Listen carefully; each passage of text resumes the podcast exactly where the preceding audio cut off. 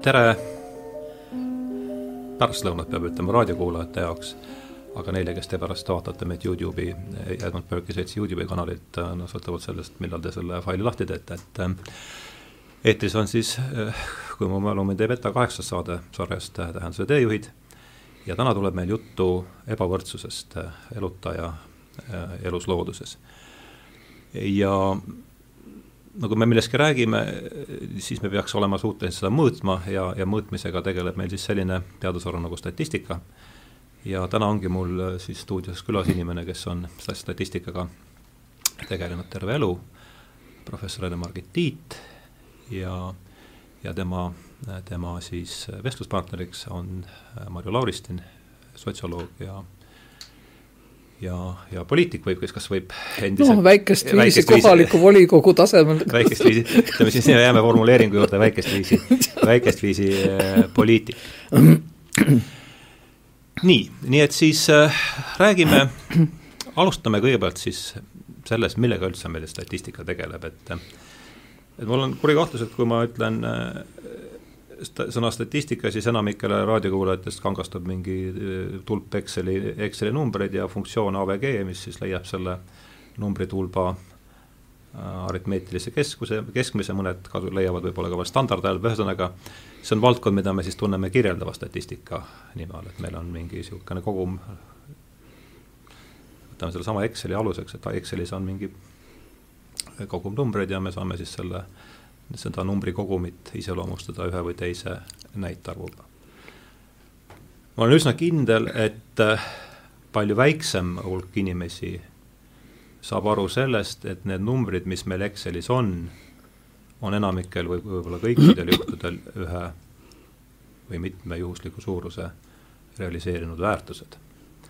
ja sellest on mu enda kogemuse põhjal, kui ma olen statistikat küll aastaid tagasi õpetanud, sellest on palju-palju raskem palju-palju raskem aru saada ja raskem on siis aru saada ka sellest, et statistika niisugune nooblim ülesanne on formuleerida tõenäosuslikke väiteid juhuslike suuruste kohta, nii et kui me tahame statistikast niimoodi mõistlikult rääkida, siis me ja me saame neid formule-, neid väiteid siis formuleerida, kui me teame vastavate juhuslike suuruste jaotusi nii et me ei saa stati-, statistikast rääkida niimoodi isegi poolmõistlikult, mitte kui me ei püüa vähem äh, defineerida need mõisted, mis on siis juhuslik suurus ja mis on selle jaotus, et veel kord ma tean, et see teema mul võttis aega, tükk aega, et sellest natukenegi midagi aru saada, seetõttu on väga niimoodi naiivne oletada, et me siin täna asjad selgeks teeme, aga kuivõrd Ene-Margit on statistikaga tegelenud terve oma elu, siis võib-olla läheb see tal äh, paremini korda kui et saan, saan lõpuks isegi natukene paremini aru, et olge hea, et äh, võtame siis juhuslikud suurused ja jaotused, millest me õigupoolest räägime, kui me kuuleme? tere! statistika on tegelikult tänapäeval andmeteadus. andmed, ükskõik kust nad saadakse, on üldjuhul ikka mingisuguse mõõtmise või vaatluse tulemus ja, ja nendest järelduste tegemine on siis statistika mina ei tooks näiteks mitte Exceli tabelit, vaid võtaksin ühe lasteaiarühma. nii, ja palvuksin siis need mudilased kõigil seista pikkuse järjekorda. nii, no kujutame ette lapsed on, mõned on meetrised, mõned poolteise meetrised ja kui me nad ilusasti ritta paneme, siis, siis me näeme, et nad ei ole üldse mitte ühesugused, vaid, vaid on pikemaid ja lühemaid nii, ja nüüd kujutame ette siis niisugust asja. võtame esimese, e, võtame ja mõõdame need lapsed ära ja paneme siis, siis esimene jagu on lapsed, kelle pikkus on meetrist kuni meeter kümne sentimeetrini. no ütleme, et sinna satub umbes kümnendik meie lap-, lasteaialastest.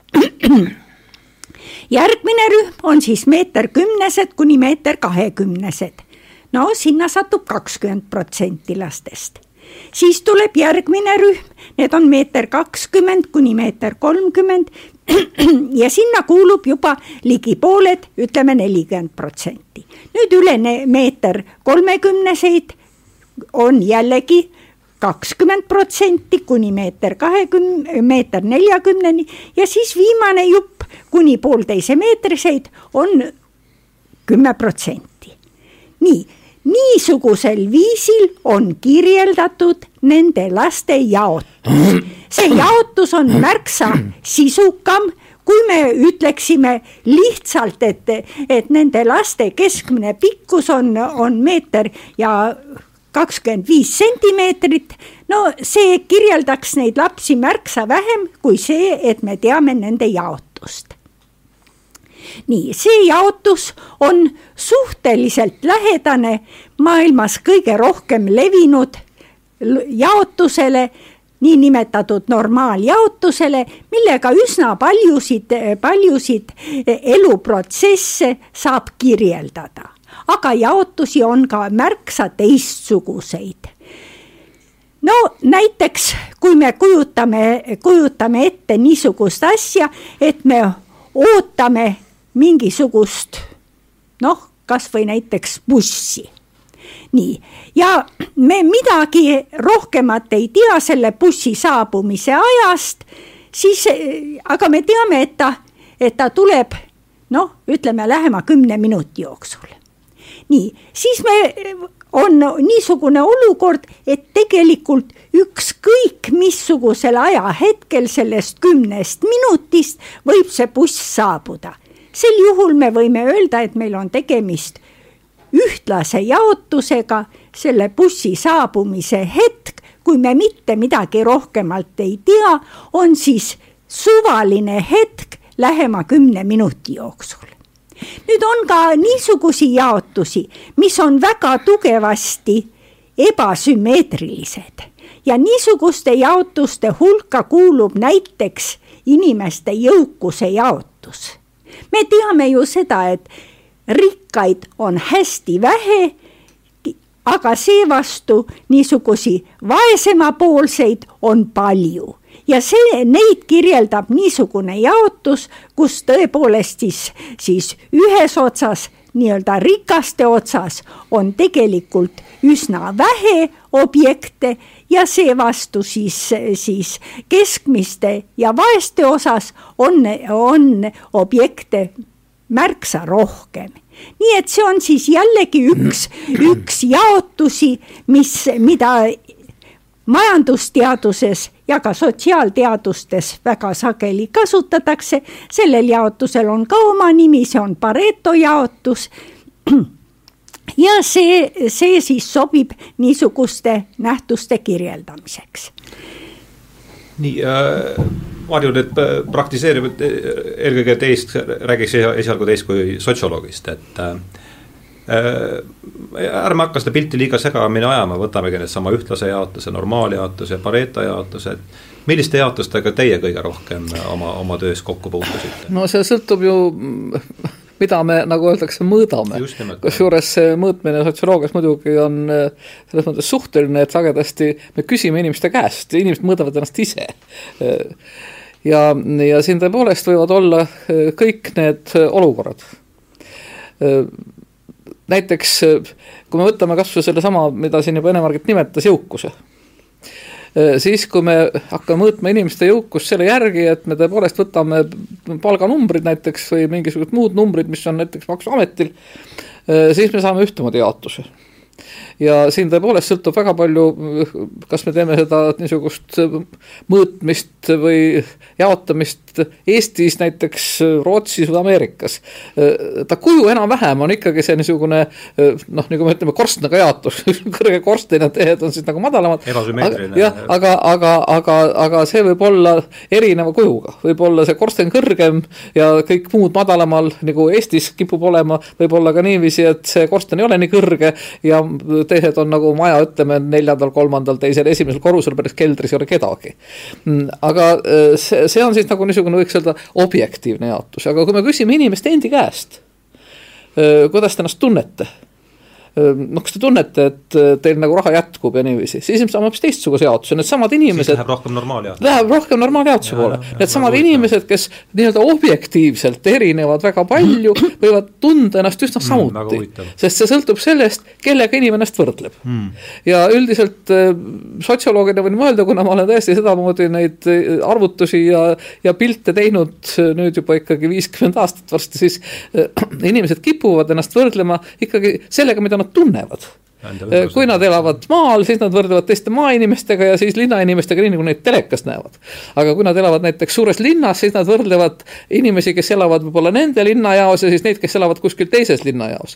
ja, ja nii tulebki välja, et äh, kui me räägime sellest ebavõrdsusest näiteks inimeste vahel majanduslikus mõttes kui kihistumisest, et meil ongi sotsioloogidel kaks kihistumise nagu vormi, millest me räägime, üks on objektiivne, mis on siis tõesti selle järgi, kuidas jaguneb inimeste vahel. seda iseloomustaks rohkem siis Pareto jaotus nii-öelda raha nii-öelda selles ja. mõttes, kui me saame lugeda seda, kui palju seda on. ja teine on subjektiivne, kus inimesed ise väidavad, kas neil läheb hästi või halvasti. ja see subjektiivne kihistumine on palju-palju lähemal normaaljaotusele. kuigi siin on ka väga huvitav, et ta ajaga muutub mina olen näiteks teinud sedalaadi võrdlusi nüüd, me tegime iga kolme aasta tagant, alates kaks tuhat kaks täpselt sama meetodiga, täpselt sama skaalaga. ja, ja siis me näiteks nägime, kuidasmoodi seesama inimeste enesehinnangu järgi see jaotus muutus, näiteks kui oli majanduskriisi aeg, oli ta ühesugune. pärast kriisi oli ta teistsugune, nii et inimestel tekib mingisugune pilt ühiskonnast ja ta võrdleb ennast selle ühiskonnaga, sest mõõtmine on alati ju võrdlemine. meil on mingisugune noh, siis mõõdupuu, eks ole, ja kui see mõõdupuu on teised inimesed, siis see mõõdupuu ei ole fikseeritud, see ei ole mitte Pariisi meeter, vaid see on inimese mulje tegelikult sellest, kuidasmoodi tema elab kuidas teised elavad mm. -hmm see oli, see oli huvitav, et, et kui me võtame asja, mõõdame jõukust või sissetulekut või toimetulekut objektiivselt, et siis me saame noh, see on üld, üldteada tõsiasi, et see allub nagu Pareto jaotusele, just sama, millest me rääkisime, sügavalt ebasümmeetriline, et äh, vaeseid ja keskmisi on palju ja väga rikkaid väga vähe, aga, aga kui me vaatame subjektiivset hinnangut, et siis see on nagu rohkem Äh, paistab alluvat normaaljaotusele, kuidas teie, Ene-Margit, sellele, seda kommenteeriksite? No,? haakub no, see teie kogemusega ka? jah, seda küll, ma just täna hommikul vaatasin, et, et meil on viimased täpsed andmed on kahe tuhande kuueteistkümnenda aasta kohta, siis esimene, see kõige vaesem kümnendik ja siis kõige jõukam kümnendik, nende vahe oli kümnekordne ja see oli siis rehkendatud eh, ka kogu sissetulek leibkonna liikme kohta. Nii, nii et see oli tõesti, tõesti üsna suur erinevus. see on väga suur erinevus jah. Ja, minu meelest ja, on, on see erinevus tõesti nii-öelda märksa su-. ja siin me räägime, eks, ma küsin üle, see on sissetulekus praegu, mitte, mitte, mitte varade, mitte vara, see on varade sissetulek, sissetulek pereliikme kohta, mis on ilmselt arvestatud siis ka eh, nende kaalude järgi. nii, no eh, arvuliselt oli see siis niiviisi, et selles kõige eh, madalamas oli siis umbes sada seitsekümmend ja kõige, kõige jõukamas siis, siis umbes tuhat seitsesada, mis ei ole ju tegelikult ka teab. sa mõtled eurot nüüd inimese kohta? eurot, eurot inimese kohta no kahe tuhande kuueteistkümnendal aastal. Ja see oli kuus niiviisi, nii et niisugune, niisugune vahe ja see, selle vahe kohta tuleb, tuleb öelda, et hea küll, see kõrgem, ma saan aru, et, et meie ministrid ja, ja, ja kes sinna kuuluvad nende jaoks on see üsna loomulik, aga see kõige madalam, kellele, kellel muidugi suurem osa sissetulekust oli, olid siirded, pensionid, eks ole, mõnikümmend eurot ka mingit palgasissetulekut, kusjuures eh, sissetulek eh, ettevõtlusest negatiivne kõige huvitavam sealjuures. nii, no ühesõnaga see on tõesti, tõesti niisugune kiht kes nagu ei tohiks ühes hea, hea, heaoluriigis üldse, üldse olla. no vot, siin ongi see, et mikspärast sotsioloogid sellist nähtust kunagi ei saa nimetada normaaljaotuseks. sellepärast, et see ei ole sotsiaalses mõttes inimeste jaoks ei ole normaalne no,. ja, ja see ongi see. sõna täitsa kahes erinevas no, no see ongi see asi, et kui statistika ütleb, et see on normaaljaotus, siis inimene mõtleb, normaalne on see, mis noh no,, ongi see, mis on tavaline. võib öelda ju kaussi jaotus aga ja siit tulevadki need erinevused ühiskondade vahel, seepärast et neid andmeid ju ka pidevalt avaldatakse. ja, ja inimesed saavad ise näha ja sotsioloogid ja statistikud saavad näha, eh, kuidasmoodi nüüd see jaotus on muutunud ja mismoodi ta on erinevate inimrühmade vahel, sellepärast et näiteks minul oli väga huvitav vaadata eh, ühte raportit mine aasta, mis võttis ette kõik Euroopa Liidu liikmesriigid ja tegi sellesama analüüsi, need jaotused, aga ta võttis eraldi laste, noh, sa oled seda ka teinud ju, mm eraldi laste oma ja eraldi vanade pensioniealiste oma, need on täiesti erinevad, need jaotused mm. -hmm. ja kui me võtame veel tööealised, siis on veel kolmas. kui me võtame näiteks rahvuste järgi, on see ka erinev, mis on Eestis väga tüüpiline, kui me võrdleme isegi sedasama subjektiivset jaotust, see, kuidas inimene tunneb, ka see on erinev rahvuste järgi. ja noh, vanuse järgi on meil väga terav erinevus, nii et sisuliselt me saame alati rääkida nendest sellistest kõveratest, eh, nii et nad iseloomustavad erinevaid hulki. ja on väga palju erinevaid neid võimalusi siis näha, kuidas need kõverad tegelikult annavad meile pildi ühiskonnast aga ma küsiks sellise asja, miks, võtame selle, tuleme sama, sellesama lasteaia näite juurde nüüd tagasi, et, et laste pikkus, suvaliselt äh, valitud äh, laste pikkus üldse inimeste pikkus, võiks öelda, et see allub äh, normaaljaotusele ligikaudu, mitte täpselt Lo. loomulikult kõik jääb ligikaudu, normaaljaotus on niisugune ideaal, ideaal no,. ta ei saa olla näiteks nullist kolme meetrini. just jah, või siis tõenäosus on nii väike, et sest ta, see ju.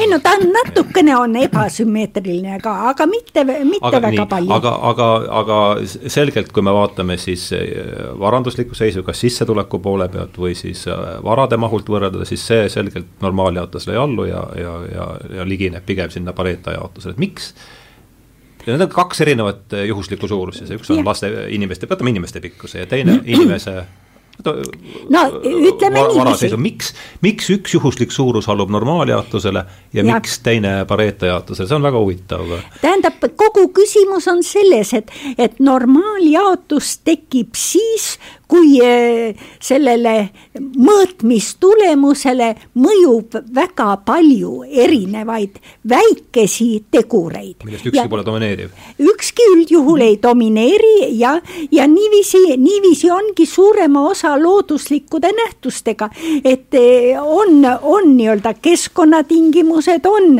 on eh, terve hulga geenide mõju, mitte, mitte ühe, vaid, vaid väga paljude geenide mõju. niiviisi on, on mingisugused muud tegurid, mida me ei oska üldse hinnata. aga kui muidugi, kui ma ütlesin lasteaialapsed, siis oli üks väga selge tegur veel, lapsed on erinevas vanuses. seda ma ja seda ma nimme kasutasin, et, et oleks skaala laiem. nii et, nii et jah, looduslikul mm, te, nähtuste puhul on tegemist tõesti, tõesti paljude erinevate mõjudega.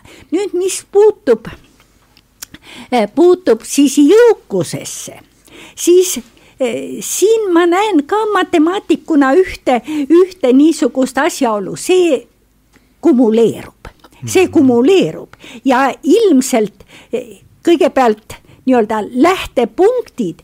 Eestis on olnud mingi hetk üsna ühesugused isegi kui me võtame, võtame niisugusi eh, vanu läänemaailma riike, siis, siis ei ole, ei ole ühelgi põlvkonnal lähtepunkt ühesugune, vaid juba lähtepunktis on väga suur vahe.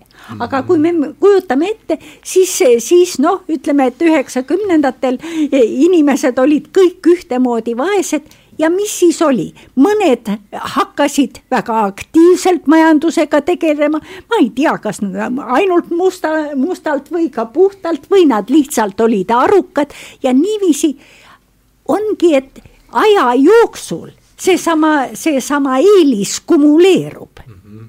mitte ta ei tasandu loodusprotsesside puhul pigem, pigem aja jooksul võivad, võivad nähtused tasanduda, aga, aga majanduses üldjuhul ei tasandu, vaid, vaid kellel on eelis, see, see saab järjest, järjest rikkamaks ja järjest rikkamaks no,. see protsess käib nagu rahuajal. siin, siin on, siin on muidugi äh, tegemist sellega, et kui me vaatame ühiskonda, reaalset ühiskonda, äh, siis äh, jah, see protsess nii-öelda, kui, kui see omasoodu käib, siis ja. ta selle kumuleerumisega kahtlemata suurendab neid vahesid ja sellepärast erinevalt siis nüüd ühiskonnatüübist või ütleme sellest kasvõi noh, riigist või ühiskonna väärtustest.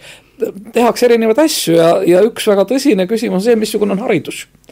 on ju riike, kus sedasama jaotust läbi hariduse veelgi võimendatakse ja on teisi riike, kus püütakse selle niinimetatud ühtluskooli kaudu seda majanduslikku jaotust või ebavõrdsust tasandada sellega, et inimestele antakse võrdne stardivõimalus läbi hariduse ja näiteks Eesti näiteks, kui me sedasama PISA tulemust vaatame, paistab ju silma, isegi pole meile üllatust üllatuslikult sellega, et meil lapsed koolis muide ei erine oma tulemustelt selle varandusliku või peremajandusliku seisu nii-öelda tõttu või sellega seoses nii palju, kui võiks oodata sellest tegelikult majanduslikust ebavõrdsusest. mis näitab seda, et Eestis siiski väga tugev püüd seda ebavõrdsust vähendada on kah ajalooliselt kujunenud välja juba ma ütleks talurahva koolidega omal ajal. ja, ja see paistab silma ka Põhjamaades ja see on üldse minu meelest sellise nii-öelda talupoja ühiskonna tunnus. sellepärast võtan ka Põhjamaad, nad ka on ikkagi noh, võtame näiteks sedasama meile lähedase Soome väga paljus kah talupoja ühiskonnast võrsunud ja siin on hoopis teistsugune arusaam sellest, missugune sinu naaber on, missugune sina oled. ja, ja kuidasmoodi me siis nagu püüame saada seda ühiskonda, mis paistab siis õiglasem. vot siia tuleb see õigluse mõiste sisse.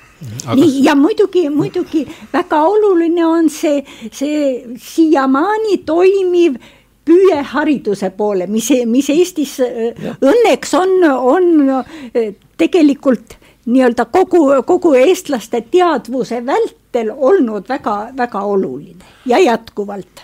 kas me võime siis noh, ütleme hüpoteesi või mõttemänguna, et kui me nüüd kõik alustaksime äh, mingi kogum, no võtame Eesti, alustaksime kõik praegu nulljoonelt äh, ja ütleksime, et see mäng kestab noh, ma ei tea, kolm aastat.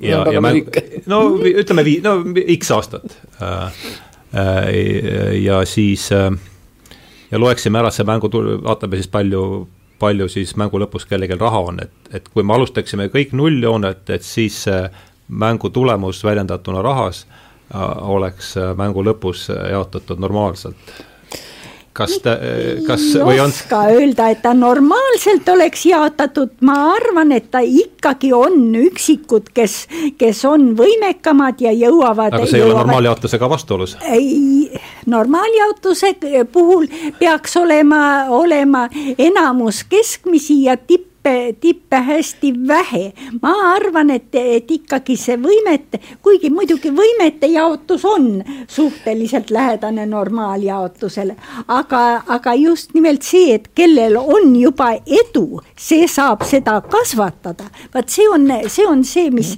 mis selle asja ära rikub no,. siin on tegelikult praegu, kui me võtame tõesti niisuguse noh, mõttelise, mõttelise katse, et meil hetkel selles praeguses olukorras on äkki kõik nii-öelda varanduslikult võrdsed või noh, nullis päris mitte, vast ikka riided on seljas ja. no ja null selle suvaliselt kuskil jah, mingil niisugusel tasemel, mis on suhteliselt mitte väga kõrge. ja siis laseme inimestel vabalt tegutseda, eks ole, eeldus on ju see, et nad saavad vabalt tegutseda. ja, ja muidugi, jah. ja, ja vot siin me tuleme selle juurde, et inimesed tegutsevad erinevatel väljadel ja tänapäeva sotsiaalteadus äh, äh, üldiselt on, on seda meelt, et äh, majandusväli pole ainukene koht, kus rikkaks saada. sest rikkaks võib saada ka hoopis teistel väljadel.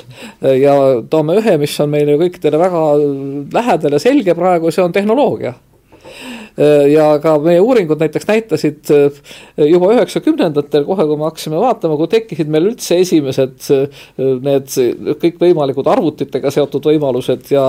ja, ja siis selgelt oli üks seltskond, kes sellest võimalusest väga ruttu kinni hakkas. kui vaatame praegu näiteks, võtame näiteks tasandame, ei võta kõik kõiki vanu inimesi, aga võtame just nimelt selle noorema Eesti seltskonna selles samas olukorras, kus kõik just nagu varanduslikult on võrdsed, siis me näeme, et siin on teatud hulk, kes tegelevad väga aktiivselt sellega, et nad näiteks noh, ma ei tea, Youtube'is, eks ole, või, või mingites arvutimängudes või kuskil seal äh, püüavad saada siis äh, seda ka raha, mida tavaliselt me oleme harjunud ütlema, et noh, tee tööd või, või mine ettevõtlusse, ole ettevõtlik. aga nemad ütlevad ei, mul ei ole seda vaja, ma saan hoopis selle tehnoloogia väljal endale mingeid võimalusi, millest teie vanemad üldse noh, ei unistagi või te ei saa sellest aru.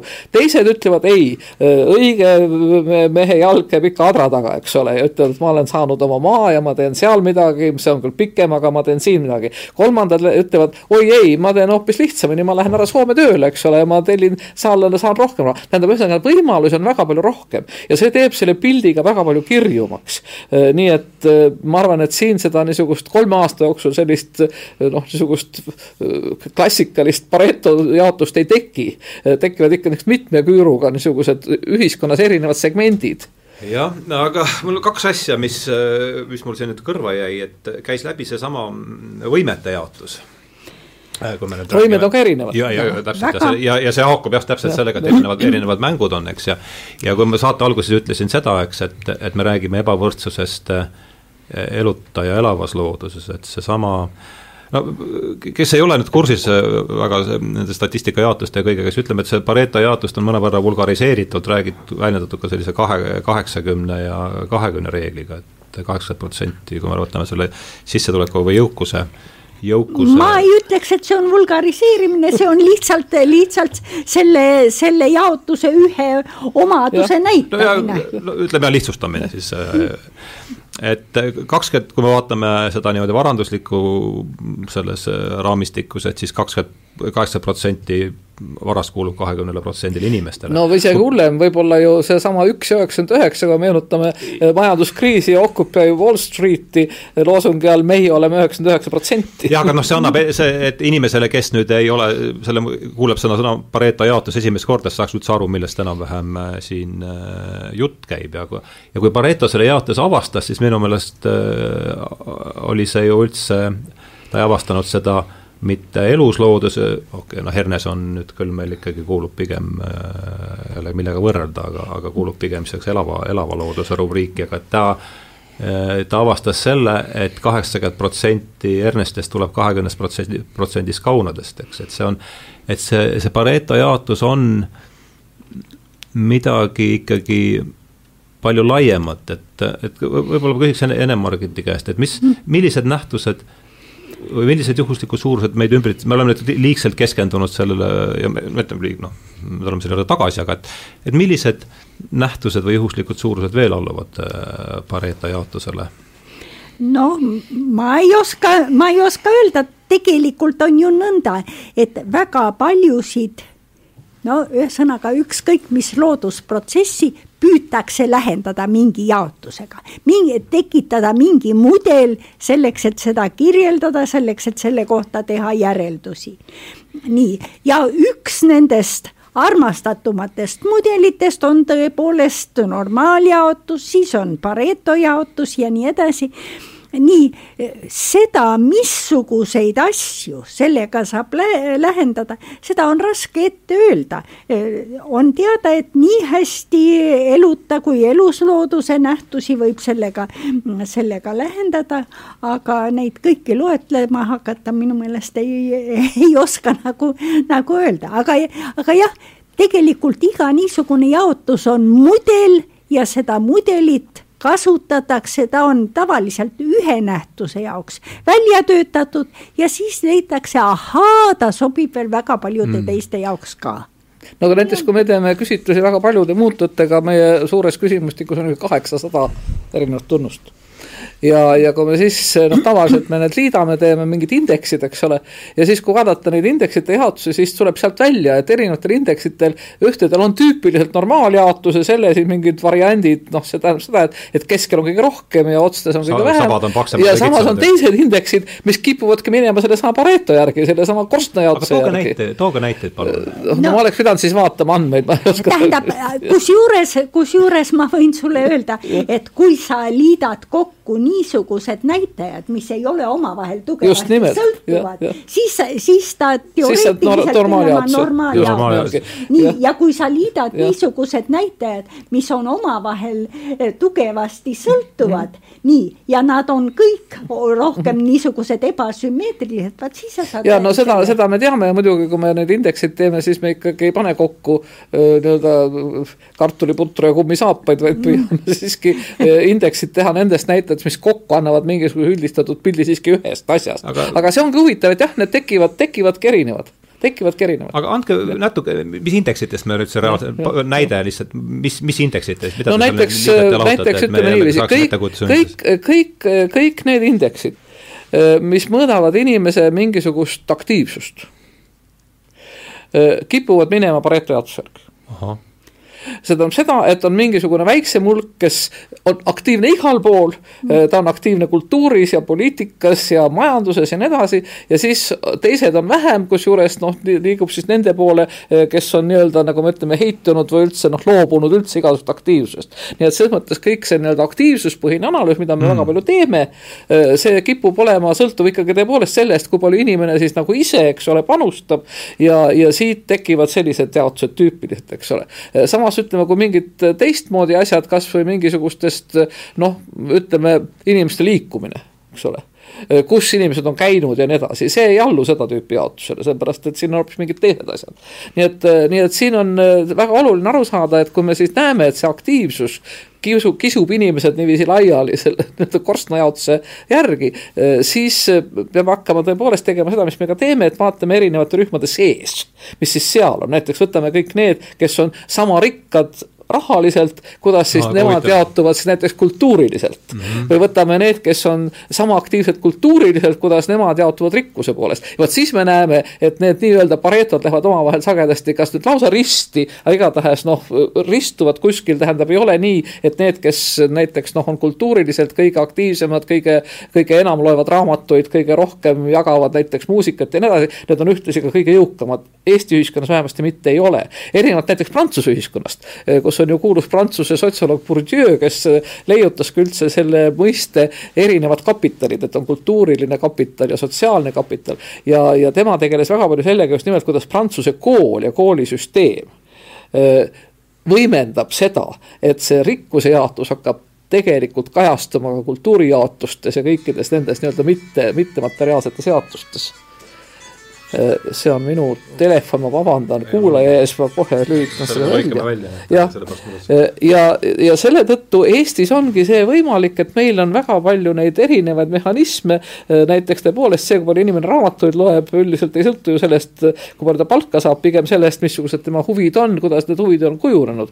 ja, ja siin me tuleme ju hoopis selle juurde, et nagu Ene-Margit ütles, kui on väga palju erinevaid mõjureid, eks ole, siis, siis kipub tekkima normaaljaotus. aga mõnikord võib ka ütelda seda, et see normaaljaotuse taga on tegelikult erinevate nende ja. Pareto jaotuste vastastikune kustutamine. kusjuures, kusjuures see on, see on, see on selge, kui on, et normaaljaotus ikka tekibki erinevate eh, nähtuste sealhulgas ka erinevate jaotuste summana, nii et see on, see on eh, igati seaduspärane, et see niiviisi, niiviisi on. ütleb ju seesama Markovi teo-, teoreemgi ju, eks ole, et kui juhuslikke suuruseid on palju ja ükski nendest ei pruugi alluda normaaljaotusele, siis nende summa allub ikkagi normaaljaotusele ja, ja see on. ja mida rohkem inimestel on, siis neid erinevaid võimalusi, eh, ütleme siis niiviisi, tunda ennast hästi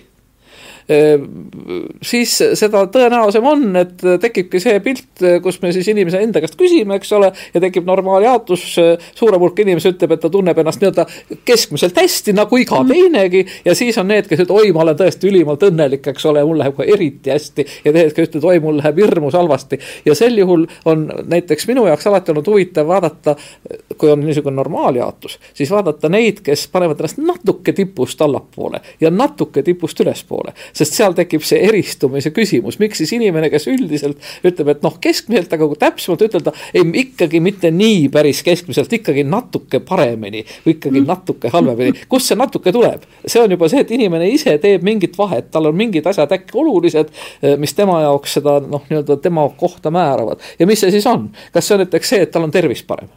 Eestis näiteks väga palju mõjub tervis, väga palju mõjub tervis või see, et tal on, läheb perekonnaelus hästi eks ole, on missugused asjad, mis hakkavad inimese jaoks nagu tasandama või vastupidi, võimendama seda, et ta on kas võrdne või vähem võrdne teistega. no ma tahakski küsida, et kui te nüüd räägite tervisest, et kas, mis indeksit te seal kasutate, et mis seda tervislikku seisab? no tervise puhul üldiselt on, on jah, sotsioloogid kasutavad väga palju seda noh, mitte, mitte nii-öelda meditsiinilist mõõtmist vaid on mitu küsimust, mis tegelevad sellega, kui palju inimest takistab see, et tal tervis äh, ühes või teises asjas ei ole hea, jah, jah. kusjuures, kusjuures see on selles mõttes niisugune kahtlase väärtusega näitaja, et selle tõttu on maainimesed kehvema tervisega äh, kui linnainimesed, sest linnakorteris ei ole sul vaja minna kaevult vett tooma või mm. puid äh, tuua ja nii edasi.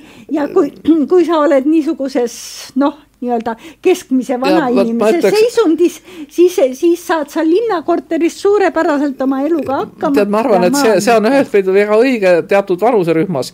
aga kui me võtame nüüd Eesti olukorra tervikuna, siis äh, siin on kah väga suure mõjuga minu arust järjest rohkem suure mõju, suurema mõjuga on seesama vaimne noh, sama depressiooni teema, see stressi teema. inimesed lihtsalt stressi tõttu tunnevad, et noh, neil ei ole hea olla. ja, ja see takistab neid, nad ütlevad, et jah, mul tervis on halb ja siis, kui küsitakse, mis teil täpselt viga on, siis oi, ma ei teagi, et ma ei ole arsti juures ka ammu käinud, eks ole. aga, aga just see tunne ja, ja siin, mis ongi väga murettekitav, jällegi, kui ma toon sellesama äh, Euroopa riikide võrdluse et siis on niisugune paradoksaalne olukord, kui inimeste käest on küsitud, kuidas te olete rahul näiteks meie äh, noh, meditsiiniteenustega, arstidega, kõik ütlevad, oi, meil on suurepärased head arstid ja kõik, muidugi sabad on pikad, aga üldiselt meil on väga hea tervishoid.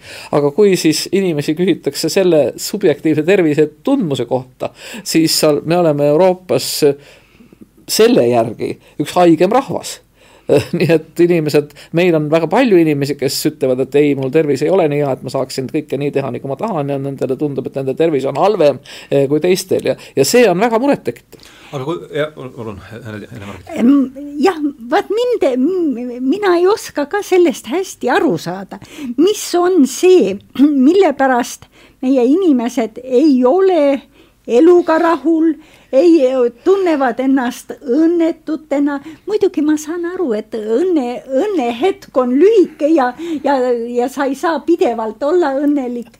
aga, aga kuidas, miks, miks need näitajad on Eestis nagu ebaproportsionaalselt madalad? Eestis on, Eestis on need äh, sellised näitajad, mis puutuvad rahulolu ja õnne, väga paradoksaalsed hmm.. tõeliselt paradoksaalsed kui me vaatame neid küsitlusi, mis äh, tegelevad mitte üksiku, üksiku inimesega, vaid tegelevad näiteks noh, Eestiga kui tervikuga, äh, siis võrreldes mitmete teiste noh, meiega sarnase ajalooga rahvastega, kõik needsamad uued Euroopa Liidu kõik, eestlased paistavad silma vastupidi, suure optimismiga, et meil läheb ikka paremini ja meie oleme ikka edukad mm, -hmm. kui niipea, kui see meie tuleb sisse, siis noh, ma ei tea siis, kas ma ei tea, Isamaa armastusest või millest, aga inimesed kipuvad andma paremaid hinnanguid, kui tegelik objektiivne võrdlus näiteks näitaks.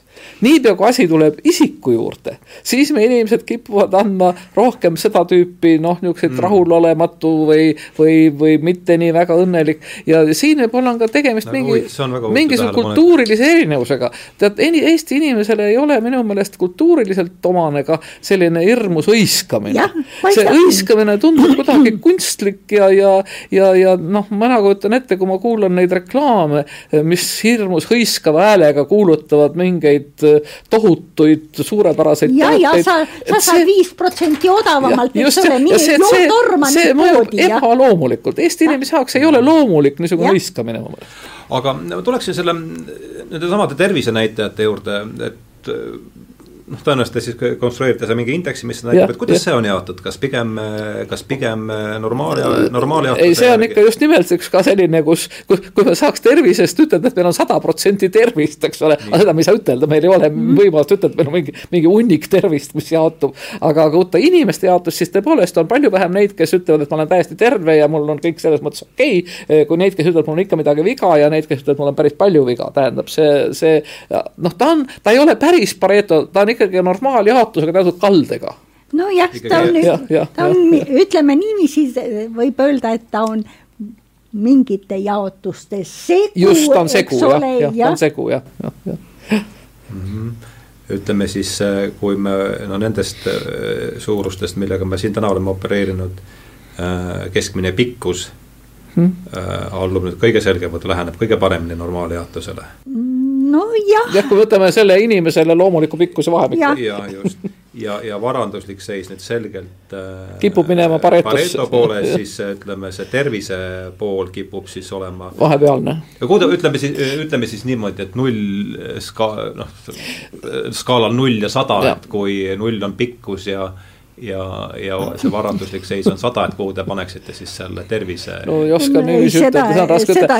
No, ma ütlen pigem no,. on ta, on ta pigem siis ühel, ühes ääres? ta on, mina paneks ta kuskile kuuekümne, seitsmekümne juurde. Äh, tähendab, jah, ja mis, milles on tegelikult ja suur probleem, probleem on selles, et näitavad kõik uuringud, et tugevneb meil tegelikult nüüd, kui on statistikas, siis tõesti statistiline seos äh, sellesama varandusliku jaotuse ja tervise vahel.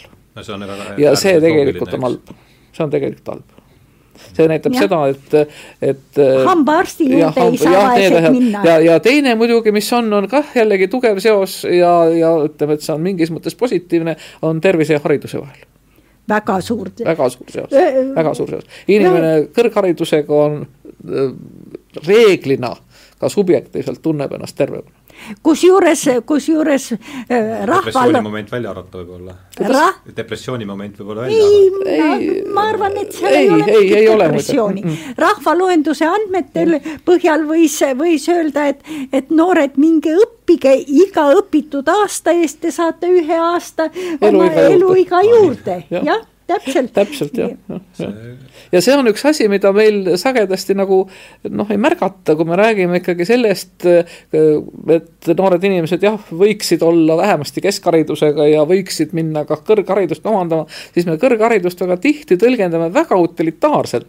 ainult kui võimalust minna kohta, kus saab palju palka, aga tegelikult, kui me vaatame kõiki neid asju, on seotud selle õnnetundega, tervisega, elulaadiga, siis kõrgharidus annab tohutu tohutu, tohutu eelise, väga suur hüpe on. kui me võrdleme nüüd keskmisi, keskharidusega keskmisi, põhiharidusega keskmisi ja kõrgharidusega keskmisi, mitte võttes noh, vanust siis nagu enam-vähem võrdseks võttes, siis on selgelt kõrgharidus see, mis annab inimestele väga tugevalt just nimelt neid õnnetegureid juurde. jah see, see just on, muuhulgas kui me, kui ma diskuteerisin siin, siin härrastega eh, selle üle, et, et selleks, selleks, et peredes oleks rohkem lapsi, oleks soovitav, et, et ka härrasmehed rohkem õpiksid. siis, siis just, öeldi, et oi, mis jama sa ajad. meil on suur probleem see, meil on suur probleem.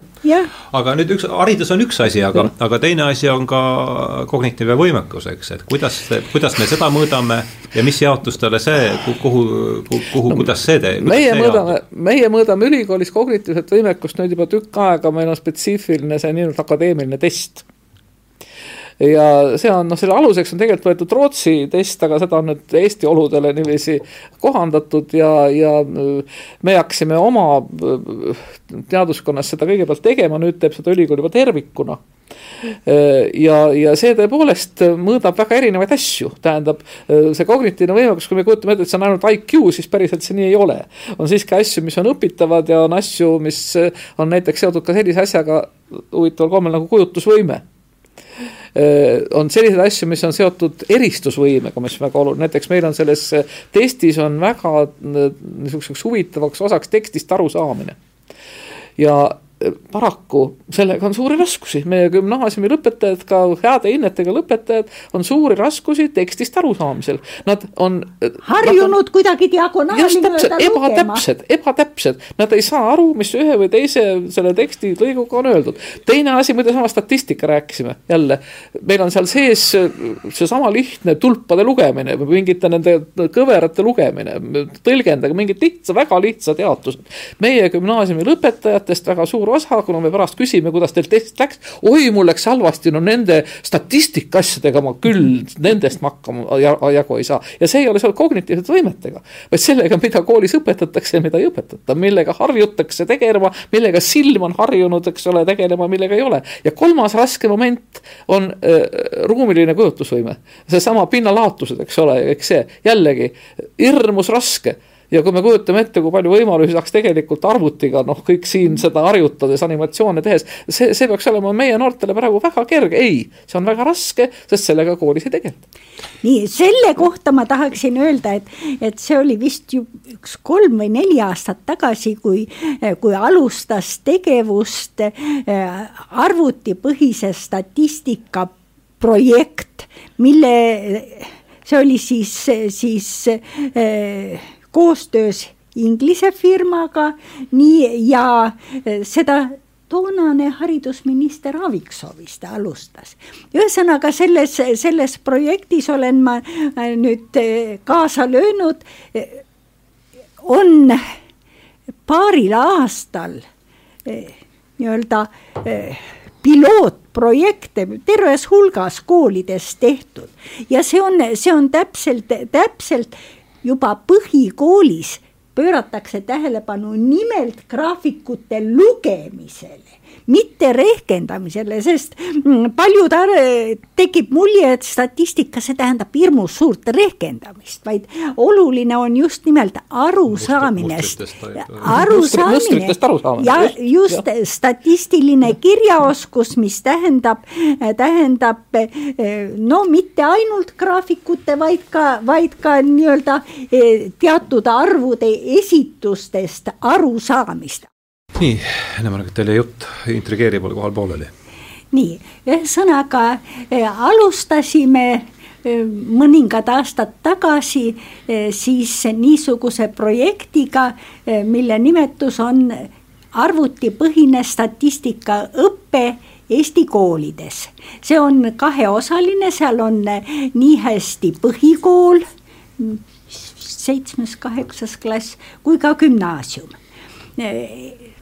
madalamas astmes on peamine tähelepanu pööratud eh, statistilisele kirjaoskusele eh, asjadest arusaamise mõttes, graafikutest arusaamine, aga ka graafikute joonistamine, mm, statistilisest tekstist arusaamine. Eh, kõrgemas rühmas on siis tõsisemad ülesanded, mis haakuvad keskkooliõpilaste uurimistööga, kuidas püstitada teatavaid hüpoteese, mõõta, teha mõõtmistest järeldusi. ja kogu selle programmi sisuks on, et kõike õpetatakse väga eluliste ülesannete põhjal.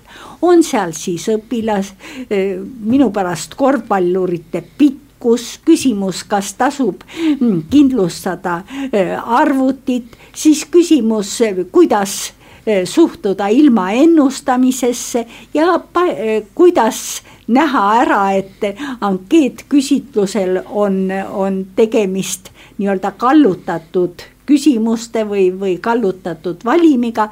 palju niisugusi praktilisi asju ja neid ülesandeid on siis koostanud nii hästi meie noored äh, doktorandid ja see töö läheb edasi, kahjuks äh, ei ole viimastel aastatel äh, saanud see, see töö piisavat finantseerimist, nüüd vist jällegi, jällegi asi äh, hakkas äh, edasi minema, aga paaril aastal vahepeal see, see seiskus. aga kas üldse ei ole niiviisi, et niisugused statistilised arusaamad, ma ütleksin, peaksid kuuluma mm, sellesse, mida me nimetame isegi mitte haridusega, vaid harituseks et äh, praegu me näeme, et väga Seda palju, jah, väga palju, väga palju on ju äh, igasuguseid numbreid meie ümber, need läheb järjest suuremaks, me räägime nüüd suurandmetest ja. ja inimene hakkab elama järjest enam niisuguses numbrite keskkonnas ja samas neid numbreid äh, kujutatakse sagedasti just nimelt kah piltidena, eks ole, igasuguste graafikutena, kõveratena ja nii edasi. ja kui ei ole sellest niisugust arusaamist, kui see inimest mitte kuidagimoodi ei kõneta, äh, siis on nende abil ka võimalik väga hästi inimesi petta ja manipuleerida. mul tuleb siin äh, võib-olla vahelduseks üks lugu rääkida oma, oma elust, et oma niisuguse nurjunud äh, doktoriõpingute raames oli ka siis vaja teha töö rakend-, teema oli rakenduslik ökonomeetria, seal loeti sellist noh, teooriat alla ja see ühel hetkel noh, mina ei saanud ikka midagi aru enam, mis seal toimus ja siis hakkad seal ikka nagu õpilane hakkab otsima selliseid äh, väljapääsuteid, et noh, kui palju seda teooriat siis on vaja teha ja õppejõud vastab mulle, et noh, et justkui nagu ei ole, et see tarkvarapakett teeb ju teie eest need asjad kõik ära ja mina ütlen siis, et noh, et aga et noh, et mul oleks ikkagi hea siis, äh, hea ju teada, et äh, mis siis juhtub, kui ma ühele või teisele nupule vajutan ja see vastus on mul siiamaani meeles, et see on õige, sest ükskõik, kuhu sa ka ei vajutaks, vastuseks on ikkagi number nii et see on, ma arvan, see on päris niisugune õpetlik lugu sellest. Äh, ma olen ise näinud graafikuid äh, kaheksakümne üheksanda aasta lõpus, mis väidavad seda, et aastal kaks tuhat kolmkümmend neli on Eesti keskmine palk kaks tuhat neliteist äh, kaheksa, kaheksasada kolmkümmend neli koma kakskümmend viis, viis, kuus, seitse, kaheksa, kaheksa, üheksa, kümme. Et no. jällegi üks number, mille noh. Vot siin on ka veel üks niisugune asi, et selle stat-, statistilist, seda niisugust noh, nii-öelda õpetust minu meelest on ka selleks vaja, et see arendab äh, asja, mida mina nimetaks statistiliseks kujutlusvõimeks. Ja, ja ilma selle statistilise kujutlusvõimeta, mille minu meelest üks põhialused on ka see arusaamine, et ühiskonnas on väga paljud, kui mitte enamus asju siiski tõenäosed, et me võime tõesti ennustada, aga see on teatud tõenäosusega, seal tõenäosusel on ka, ka number, eks ole, see on kas suurem või väiksem.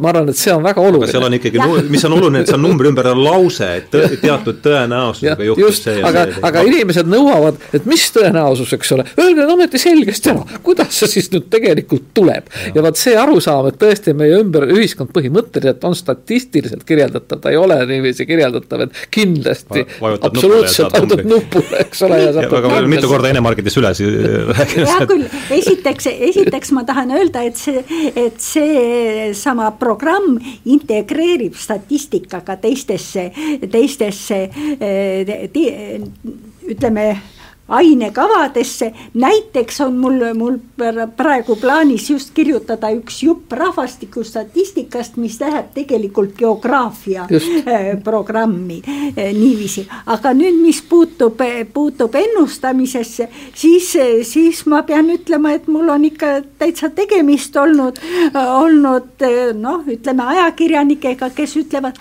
aga nüüd ennusta, kui palju on äh, sajandi lõpuks lõpuks Eestis inimesi, kui suur on rahvaarv, kui väikeseks ta kaob. ja kui ma siis, siis vaatasin, kuidas ÜRO on kogu maakera rahvaarvu ennustanud sajandi lõpuks ja seal on kolm ennustust. üks on see, et on kuus miljardit, üks on see, et on kümme miljardit ja üks on viisteist miljardit, kõik on võimalikud. ühesõnaga keegi ei näe ette niisu-, missugused erilised protsessid toimuvad, on täiesti selge, et rahvastiku käitumine on ütleme viimases võib-olla noh, paarikümne aasta jooksul väga oluliselt muutunud. kas ta muutub veel? Kas toimub veel mõni järsk muutus või mitte, seda on üsna raske, raske öelda. nii et selle tõttu kõik need ennustused, jah, nad on meil vajalikud mingis mõttes, et missuguseid stsenaariume me peaksime arvestama, aga me ei või neid võtta võtta, võtta surm tõsiselt, et kindlasti nii toimub. ja no vot siin me tulemegi selle äh, ikkagi üsna, üsna aktuaalse teema juurde, kuidasmoodi üldse on võimalik ennustada näiteks kas või mingite poliitikate mõju. näiteks sündimust on ju püütud mõjutada igasuguste poliitikatega ja mõnikord mõjub ja mõnikord ei mõju, ühe rahva no, juures mõjub, teise rahva juures ei mõju, eks ole. natukene, natukene mõjub, aga kui kaua ja kui palju. aga, aga jah, küsimus on, et mõju kaob ka ära ja, jälle. just, jah aga ma tuleksin, me peame hakkama siin nüüd vaikselt otsi kokku tõmbama. oleme saate viimasse veerandisse jõudnud, mind ikkagi huvitab seesama normaal ja, ja, ja, ja Pareto jaotuse selline. miks ta, miks ühel juhul on, alluvad asjad normaaljaotusele, teisel juhul Pareto jaotusele, sellest me pihta hakkasime, hea oleks võib-olla sellega ka lõpetada, et ma pakun välja sellise mõtte, eks, et ja, ja võib-olla võtan ka kokku, mis siiani on räägitud, et me leppisime siin isekeskis kokku juba enam, mis me lihtsalt kordame seda, mis on, mida, mida statistikateooriast on teada, et et kui juhuslik suurus allub paljudele äh, erinevatele teguritele, millest ükski ei ole määrav, siis me võiks arvata, et see juhuslik su-, nende juhuslike suuruste summa on normaalselt mm -hmm. jaotatud. mis ütleb siis seda, et kui juhuslik suurus ei, selle kujunemisel mängivad rolli paar üksikut domineerivat tegurit, siis see juhuslik suurus on pigem allub Pareto jaotusele, mitte normaaljaotusele. ma ütleks nõnda, siis on terve suur seeria. seeria igasuguseid jaotusi. jaotusi, mitmesuguseid jaotusi, mis. siis ta ei allu normaaljaotusele. See on jah, ainus, ainus, mis me saame nõus. kinnitada, et ta on... normaaljaotusele ei allu, aga, aga neid jaotusi, olgu ta siis lognormaalne, olgu ta hiiru muud ja nii edasi, neid on, neid on mm -hmm. väga suur seeria, millega siis õnnestub neid, neid niisugusi mittenormaaljaotusele alluvaid nii-öelda protsesse või nähtusi kirjeldada mm. -hmm. ja no mõnikord õnnestub leida päris hästi modelleeriv jaotus, mõnikord ei õnnestu. Mõnikord tuleb tekitada veel mingisugune jaotuste segu või midagi muud niisugust mm., et õnnestuks hästi modelleerida ja mõnikord ei olegi see mm -hmm. nii väga tähtis. ja, aga kui nüüd tulla sellesse päris ühiskonda tagasi, kus inimene elab, eh, mida see siis tähendab? Eh, see tähendab minu meelest just seda, et kui meil on igal inimesel ühiskonnas võimalikult palju erinevaid valikuid, noh, ta ei ole määratud ühte rada pidi käima, eks ole, kus teda ainult kindel tegur mõjutab. näiteks kasvõi seesama noh, vanematelt saadud varandus mm -hmm. või ka vanematelt saadud haridus, kus tal on võimalik ise otsida endale mingeid uusi arengusuundi nii hariduse mõttes, nii selle mõttes mõttes, mida ta üldse tähtsaks peab, mis tal on varandus, eks ole. kas talle varandus on see, et tal on, on, ma ei tea, palju lapsi, see, et ta käib palju teatris või see, et tal on palju raha, noh, jämedalt öeldes. või on tal lihtsalt palju näiteks ruumi, tal on vaba ümberringi liikuda. kui meil on võimalikult erinevad need võimalused ja inimesel on võimalik ise neid valida ja ta valib sagedasti ka nii, et ta isegi alati ei tea, miks. siis ilmselt see ühiskond puhtpsühholoogiliselt pigem läheneb normaaljaotusele. just nimelt, sest õnne, õnne inimeste õnnetundesse läheb suures, väga palju ja, erinevaid asju. suur, suurem osa inimesi tunneb ennast nii-öelda keskmiselt õnnelikuna ehk rahulolevana, sest tegelikult need õnnemõõtujad on põhiliselt rahulolu mõõtujad. ja vot siin me tuleme selle nii-öelda põhjamaise ühiskonna juurde. põhjamaine ühiskond selles mõttes on ju suunatud väga palju sellele, et inimesed saaksid tuge, kui nad seda valikut peaksid tegema niiviisi, et nad on päris vabad, siis mõnes asjas neid segab see, et neil pole raha, mõnes asjas see, et neil pole rongipiletit, eks ole, aga noh, nii et nad saaksid tõesti võimalikult palju erinevaid asju ise valida. ja siis nüüd on küsimus selles, kas me peame selle seadma mingisuguseks eesmärgiks. kas me peame ütlema, et näiteks kui loomulikult, võtame sama andekus, eks ole. noh, mhm. andekus on ta matemaatikas, ütleme muusikas, noh, ta on selgelt ju selline, et me võime näha nii-öelda ütelda, jah. ühed on, ühed on, eks ole, ja, ja, aga siis me tahame teistpidi, et mingil hetkel see niisugune ebavõrdsus, ta ei muutuks määravaks, näiteks üks asi on see, kui me ütleme, et jah, muusikalisi andeid, tõesti neid tippandekaid, neid tuleb niivõrd kõrgelt hinnata, et neile tuleb anda kõik võimalused jõuda nii kõrgele, kui nad saavad. ja meil on teine soov, et näiteks meil jätkuks ikkagi ka laulupeol koorilauljaid ja selles mõttes oleksid meil ikkagi kõik lapsed võimelised näiteks nooti lugema ja vähemasti enamus nendest, kes ei kuulu kunagi sellesse tippu. nii et meil on nagu korraga võib-olla ühiskonnas kaks erinevat soovi. arendada neid, kes on kõige võimekamad, aga samas teistpidi tõsta sedasama keskmist ehk tekitada normaaljaotus, sest kui me tõstame keskmist, me tekitame normaaljaotuse. ja siis on muidugi veel veel kolmas soov on mõnedel, aga noh, ma arvan, et siin Eestis on väga vähe siiski neid, kes tahaks, et ei oleks üldse, ei oleks ei normaal ega, ega Pareto jaotus, et olekski ühtlane jaotus, eks ole, see on nagu kommunism. aga ma kardan, et, mitte, mitte kardan, vaid ma loodan, et, et Eestis enam sellisel mõtlemisel tegelikult pinda ei peaks olema. aga, aga, aga just see, et, et teatud olukorras ühiskond ise soovib, et see Pareto jaotus oleks see, mille järgi tehakse näiteks kasvõi mingisuguseid investeeringuid, aga teises kohas ta leiab, et ahaa, aga just seesama asi siin võiks olla hoopis normaaljaotusega, nii et selles mõttes statistika on tähtis. et me peamegi aru saama, et mõlemad on olemas ja mõlemal on tegelikult taga teistsugune eluline sisu ja võib-olla ka siis teistsugused poliitikad no,. siis kui me vaatame ühiskonda, et siis see, see Pareto, kui me nüüd räägime sellest kognitiivsest võimekusest, eks, et siis see, see see kõige ülemine ots on ju see, mis meile ühiskonnana toob meid no, ümbritsevast tundmatusest. ja aga see on ikkagi lõpuks see, mis me haridusega saame, on niisugune segajaotus, nagu me rääkisime. et me püüame tõsta siiski neid kõrgemale, kes muidu kipuks sinna päris madalale jääma, me räägime praegu ka sellest, et ka kõik puudega lapsed ja kõik peavad teatud äh, võimaluse saama, et näiteks kasvõi põhiharidustasemel õppida. ja teiselt poolt me muretseme, et meil tippude jaoks siiski võib-olla seda nii-öelda lennukõrgust piisavalt ei jätku, et Eesti pigem tõmbab tippusid allapoole. Äh, nii et vot siin me peame jällegi tegema ise siis valiku või otsustama või nägema, millel on siis ühes suunas mõju, kus seda jaotust tehakse normaalsemaks ja kus on teises suunas mõju, kus lubatakse siis nagu seda tippandekust tõepoolest välja arendada. Ja, ja ma arvan, et mõlemad on tegelikult vajalikud. Kindlasti, kindlasti on vajalikud.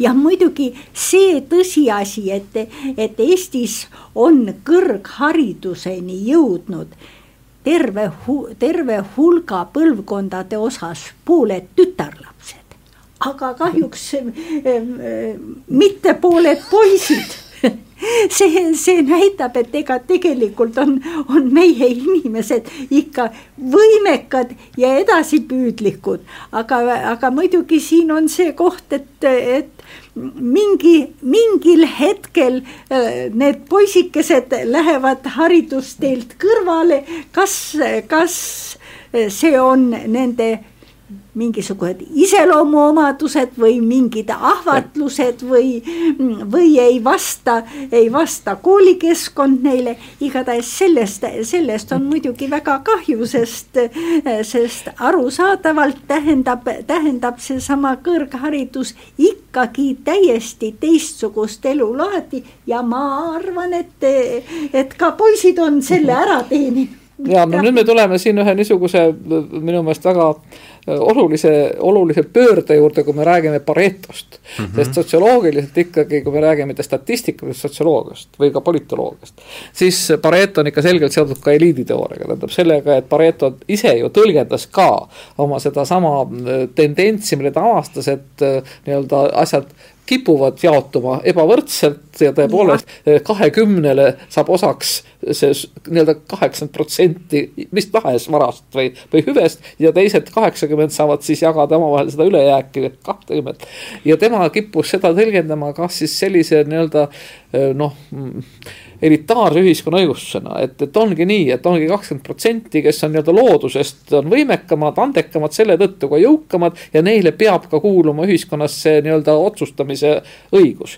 ja, ja sellele vastandub loomulikult siis selline noh, nii-öelda demokraatlik arusaam, mis ütleb, et noh, vähemasti läbi valimiste, eks ole, kõigil peab olema võimalik otsustada ja et inimestel ei ole sellist loomulikku äh, nagu võimu või otsustusõiguse jaotust, vaid see tekib ikkagi ühiskonnas selle tõttu, et seal on teatud mehhanismid. Ja tuleme nüüd nende samade poiste ja tüdrukute, oota las ma nüüd räägin selle poiste ja tüdrukute asja. vot siin ongi tekkinud niisugune huvitav olukord, kui võtame selle ühiskonna natukene kaugemal ajas taha, eks ole, siis oh kombeks oli ju see, kui me räägime varandusest, et varanduse päris vanim poeg, poeg. nii, ja tütred läksid mehele, neile anti kaasavara, eks ole, noh, nii palju, kui siis seda oli anda, nii. nüüd me oleme Eestis olukorras, kus tegelikult selle haridusliku varanduse me anname edasi naisliini pidi, eks ole. meil on tüdrukud rohkem kõrgkoolis, tüdrukud on kõrgema haridustasemega, aga see niisugune otsustusõigus ja võimujaotus kipub meil olema selline, nagu ta oli siis selles tegelikult talupojaühiskonnas. ja, ja siin on tekkinud niisugune topeltpinge meil on, ütleme siis niiviisi, see kogu see teema soolisest ebavõrdsusest väga palju seotud sellega, et meil on keskmiselt haritumad noored naised, kes tunnevad, et nende nii-öelda sõnaõigus ja otsustusõigus ühiskonnas on selle tõttu häiritud, et harimatumad, harimatumad, aga võimukad meespoole esindajad ei anna nii-öelda selles mõttes käest ära seda privileegi, mis neil on tekkinud ajalooliselt. see on see teatud mõttes noh, võiks öelda siis psühholoogiline taust või kultuuriline taust väga paljus, me räägime palgalõhedest. aga tegelikult palgalõhed on ju ka millegi tulemus ja väga palju see on otsustuse tulemus.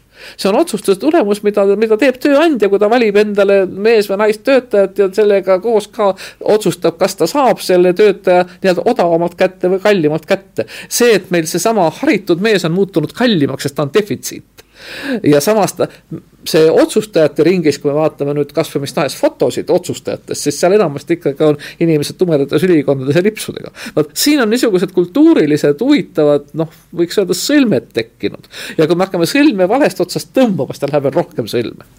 iseenesest mind huvitab see küsimus kas see, kas see kakskümmend kaheksakümmend on ajaloos olnud mingis mõttes ka arengut käivitav tegur? Ma, mulle tundub, et see, see võis, võis mingil hetkel olla, et tekkis mingi hulk inimesi, kes ei pidanud kogu aeg nii-öelda juurikaid otsima maa seest või, või loomi jahtima, vaid, vaid neil oli see siis, siis mm, mingisugused religioossed või muud põhjused, tekkis võimalus mõelda. no vaata siin, see on nüüd, see on nüüd väga, ma arvan, see on väga põnev, hirmus põnev ja, ja väga pikk jutt, kus meil oleks siia meie keskele kindlasti vaja mõnda õppinud ajaloolast. sellepärast, et. nagu see tuleb siis ette võtta. sellepärast, et me ju noh, võime niiviisi noh, oma ettekujutusega järgi äh, näha, et neid inimesi, kes pühendasid ennast sellele samale tarkusele ja haritusele, oli kahesuguseid. ühed olid need, kes läksid kloostrisse ja loobusid üldse, eks ole, igasugusest varast ja ei tahtnudki seda saada ja ütlesid, et põhiline vara ongi see, mis on nii-öelda vaimne ja teised olid need, kes tõepoolest olid priviligeeritud olukorras ja seetõttu lapsest peale need õpetati klaverit mängima, keeli, kõike muud, eks ole. ja nad said oma võimekust arendada välja viisil, mida nendel, kellel seda vara ei olnud, ei saanud ja isegi võib-olla nad võisid olla keskmiselt vähem andekad, aga nad jõudsid kaugemale. just nimelt läbi selle hariduse, nii et siin on nagu kaks erinevat asja nojah, tihtipeale me unustame ära selle, et suur osa inimkonna ajaloost on olnud ikkagi naftaeelsel ajastul ja, ja need kaheksakümmend protsenti oli, oli paraku see, kes täitis nafta, tänapäeva mõttes nafta ülesannet. see ei ole mitte väike, väike, väike, väike oluline detail kogu selles loos. mina ütleks nii, et mis on praegu teistsugune, ongi nüüd nimelt see, et enam ei olegi võimalik tänapäeva maailmas niisugune asi, et mingisugune üks tegur mõjutab ikkagi seesama niisugune, mis me enne ütlesime, pilt, et neid erinevaid paretosid, neid erinevaid korstnakehadusi on lihtsalt niivõrd palju korraga, et üks inimene nende keskel ikkagi satub võimaluste sellisesse noh, nii-öelda mitmekesisesse ringi, et ta saab endale leida selle koha, kus noh, tema on nagu selles paremas situatsioonis või vähemasti selles paksus keskmises. ja, ja ma arvan, et see ongi tähtis, just see mitmekesisus on see, mis eristab seda aega, eks ole, seda nii-öelda nafta ja eelnafta ajast see mitmekesisuse suurenemine ja sellega muidugi ka keerulisuse suurenemine, stressi suurenemine, kõik, kõik see on ikkagi suhteliselt uus. aga no mulle tundub jällegi see, et kui me räägime noh, ütleme siin eliidi osast ja siis me, me ikkagi vaikimisi eeldame seda, et selline asi nagu ühiskond on olemas. no absoluutselt. jah, aga, aga noh, ütleme äh, ja on olemas mingi ühtekuuluvustunne ja on mingi ühine nimetaja nende inimeste vahel, kes no,, kes kokku, see kognitiivne, see kognitiivne eliit, kes siis saab osa, tunneb mingit moraalset vastutust nende Nende, siin, selle, selle kaheksakümne protsendi. siin, siin, siin me läheme nüüd äh, natukene jah, niisugusele teele, kus me läheme omavahel kindlasti vaidlema. sellepärast, et äh, ütleme niiviisi, ühelt poolt äh, võiks siis ütelda niiviisi ja, ja noh, me oleme seda ka läbi elanud, et see nii-öelda kultuurieliit või loominguline liit, eks ole Äh, tunneb, et äh, tema on või meie näiteks õppejõududena, teadlastena, meie olemegi, me oleme vastutavad, me oleme ka selle tõttu õigustatud noh, ütleme arvama ja seletama ja õpetama. ja siis ütlevad teised meile, et noh, jätke järgi, professorid, et te ei tea elust midagi, et see pole mingi väärt tarkus. meie teame hoopis paremini, sest meie oskame teist, teist paremini raha lugeda. ja vot see nii raha lugemise oskus ja raamatu lugemise oskus, need ei ole koondunud nii-öelda samadesse gruppidesse ja see on üks no, teema, mis mis, teeb ühiskonnast ühiskonna, et. sa, vot nii, nii me olemegi selle juures, et ikkagi ühiskond on olemas ja ühiskonnas ongi erinevad need, erinevad võiks öelda mustrid, kus on ka erinevad keskused, erinevad keskpunktid. ta on olemas niikaua, kui on meil olemas mingi ühis-, vabandust, ma. ei no ma lihtsalt ütleksin seda, et see, see teeb ka need ühiskonnad erinevad kaks, et, et meie ühiskond ei ole sellepärast äh, sarnane minu pärast Prantsusmaa ühiskonnaga ja ei ole sarnane praegu ka Soome ühiskonnaga. ja Ameerikaga ei ole sarnane. ja, kindlasti mitte Ameerikaga, seal on just nimelt see, see, need mhm. struktuurid on erinevad ja noh, midagi on ka ühist, aga, aga. ühine on see, et me oleme näiteks pikkuse järgi jagades, meil ei saa tekkida pikkuse jaotust inimeste vahel näiteks kahekümnest sentimeetrist viie meetrini no ja võib-olla veel tähtsam on see, et me ikkagi üle saja viiekümne aasta elas elavaid inimesi. ei, ei, ei ole, ma arvan, võib-olla see on ja, see, kus me peame hakkama seda on... kõige, kõige üldisemat ühisnimetajat. just, just, nii et ühisnimetajaid on kindlasti. me kõik kardame seda, mis sealt, mis seal päris tulevikus. nii et isegi äh, mitte, et ühiskond ei ole olemas, vaid võib karta, et ka inimkond on olemas ja, ja, ja ma arvan, seda inimkonna ühisnimetajat peaks hakkama sealt sellest piiratud äh, eluea. jah, ja siin, see on muidugi jah, jälle omaette väga põnev teema, kui me nüüd jaotustest hakkame rääkima.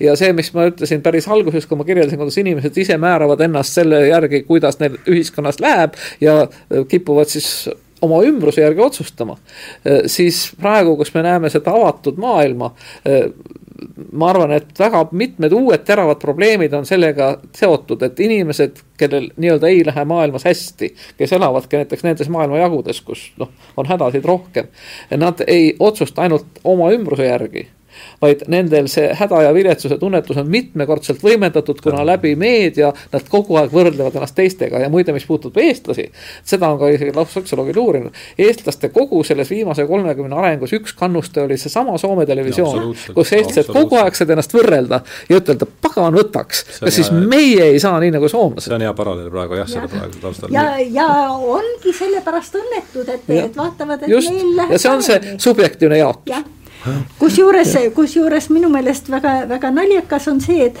et, et kui me võrdlesime Ida-Virumaa inimesi, siis nemad olid mõnegi asjaga märksa paremini rahul, sest. Nemad võrdlesid Venemaaga. Soomega, vaid võrdlesid Venemaaga jah, jah, nii ta on. no nii, me oleme jõudnud äh, saatega äh, lõpupoole. Äh, ma siis üritan paari sõnaga selle kokku võtta, siis saate veel öelda kiiresti, kas midagi vastu või, vastu või poolt, et me rääkisime siin siis sellest, et täna niisugune majanduslik toimetulek, kas me mõõdame seda siis sissetuleku või, või, või varandusliku seisuna, on Pareto, on pigem, seda iseloomustab pigem Pareto jaotus ja teeb seda tõenäoliselt sellepärast, et neid tegureid, mis seda vara, varanduslikku varanduslikku seisukorda mõjutab, on suhteliselt piiratud hulk, seal. Me rääkisime siin tervisest, me rääkisime, tõenäoliselt on see kognitiivne võimekus üks väga oluline osa ja pluss veel see, et see läbi põlvkondade võimendub rääkisime sellest, et subjektiivne õnnetunne vastu, see, seevastu kipub olema pigem normaalselt jaotatud, sest normaalne, normaaljaotus allub äh, erinevatele või tähendab, see, see tunne allub, allub väga mitmetele asjadele ja need ei pruugi olla alati, mõne inimese puhul on ühed domineerivad, mõned teised. ja, ja mida sellest võib-olla kokku võtta, ongi see, et mis, et et on väga oluline, et oleks neid erinevaid hierarhiaid erinevaid mänge, mida inimesed saavad mängida, see eeldab seda, et et ühiskond oleks vaba, et igalühel oleks võimalik valida see mäng, kust, mis talle kõige rohkem istub, aga ka seda, et, et ühiskond oleks olemas ja seal oleks olemas mingi ühisnime, ühisnimi, mis siis kuidagi seob neid kõiki neid erinevaid, erinevaid mänge mängivaid inimesi ja, ja ma arvan, et selle ja, ja mis ka tegelikult reguleerib siiski seda, et see nii-öelda see korsten liiga kõrgeks ei läheks. et see autoks ei oleks mitte üks üheksakümmend üheksa, vaid äh, kui me vaatame, mida demokraatlikum on ühiskond ja mida rohkem on temas seda, seda nii-öelda põhjamaisust, äh, seda, seda madalam on see korsten tegelikult, see ei ole siis mitte kakskümmend, kaheksakümmend, vaid võib-olla üks kolmkümmend, seitsekümmend, nelikümmend, kuuskümmend. noh, need asjad on erinevad, ka seesama Pareto jaotus võib olla teravam ja võib-olla lamedam. pea, peamine jah, et see, et see madal ei oleks liiga liiga madal. me peame selle, võta, võtke palun uuesti see, sest me peame selle välja lõikama. ühesõnaga, kui, kui vaadata seda, seda jaotust nii-öelda majandusliku võimekuse või toimetuleku osas, siis, siis ühiskonda häirib see, kui see madalam osa on liiga madal kui, kui liiga suur osa ühiskonnast on siis, siis niisuguses seisus et neil on tõesti raskusi toimetulekuga ja loomulikult eriti, kui sealhulgas on ka lapsi. ja siis muidugi tulebki see, et ühiskond on vastanud see noh, ütleme see demokraatlik ühiskond, euroopalik ühiskond või ka lääne ühiskond on vastanud sellega, et on terve rida selliseid üldiselt kättesaadavaid võimalusi eh, oma positsiooni parandada ja tõepoolest me rääkisime, haridus on nendest üks kõige tähtsamaid.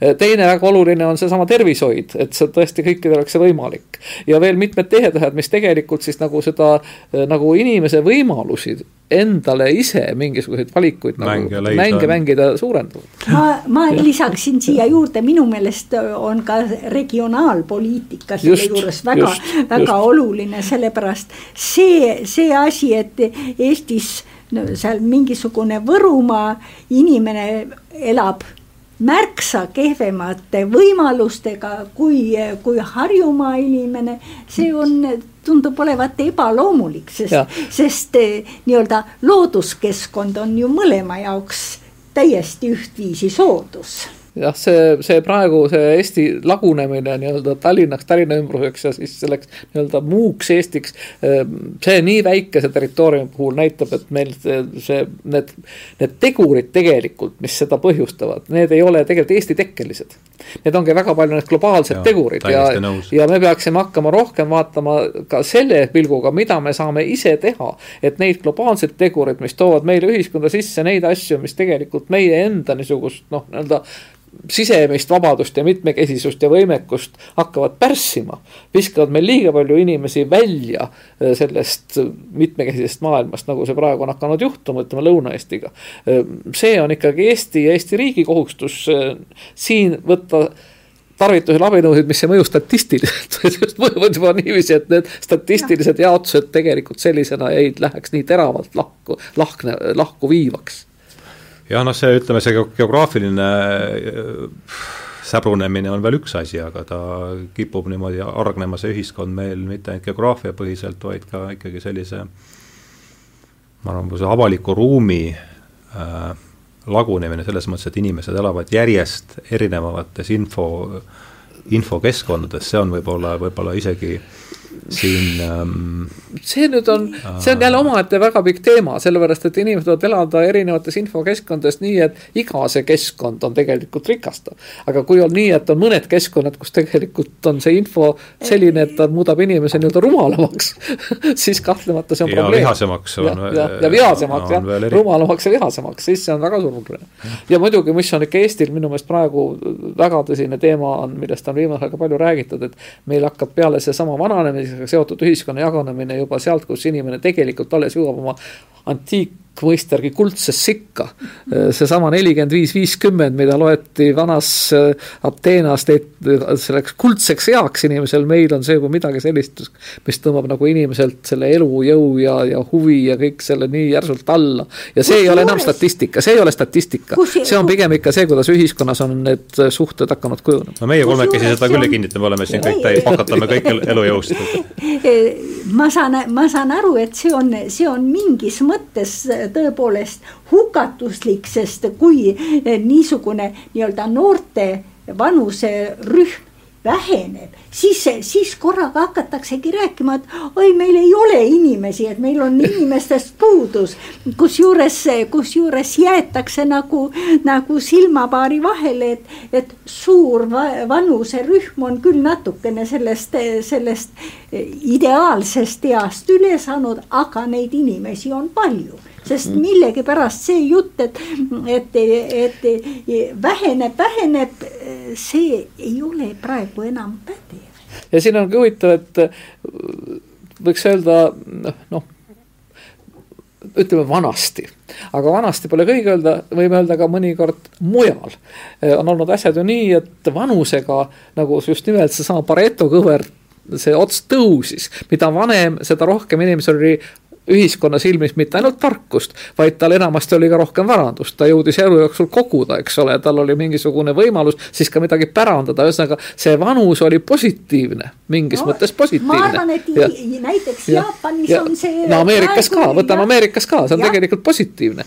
ja meie oleme praegu nagu hoopis teises nurgas, eh, kus just nagu inimene sünnib suure kapitaliga, kui ta on kuskil kuusteist, seitseteist, kaheksateist on see tal nagu kõige suurem ja edasi ta just nagu ainult raiskab ja lõpuks ta ju jõuaks nagu nulli. tähendab, see on nagu teistpidi Pareto ja, ja ma arvan, et see on, see on tegelikult noh, niisugune uus nähtus ja, ja ma ei arva, et see on mingi loomulik asi, siin on ikkagi mingisugused tegelikud noh, mingid põhjused, mida me peaksime tunnetama ja nendega tegelema. no nii, me alustasime äh, juhuslikest suurustest ja jaotustest, lõpus, lõpus äh, jõudsime lõpuks vanuseni, äh, me oleme siin kolmekesi tõenäoliselt selles küsimuses erapoolikud, aga seda on muidugi, seda on muidugi ka kõik kuulajad, sõltumata nende vanusest ja ja võib-olla see ongi hea koht, kus sellele saatele tõmmata mm, joon alla, ma tänan teid selle väga mm, valgustava vestluse eest, mul oli teiega huvitav ja, ja, ja, ja meeldiv ja kordan siis üle, et täna oli juttu meil ebavõrdsusest elus ja eluta looduses, minu stuudiokülalisteks olid Ene-Margit Tiit ja Marju Lauristin ja mina olin saatejuht Ardo Vajula, tänan teid kuulamast ja ilusat pühapäeva õhtut, kes te meid Kuku raadios kuulasite!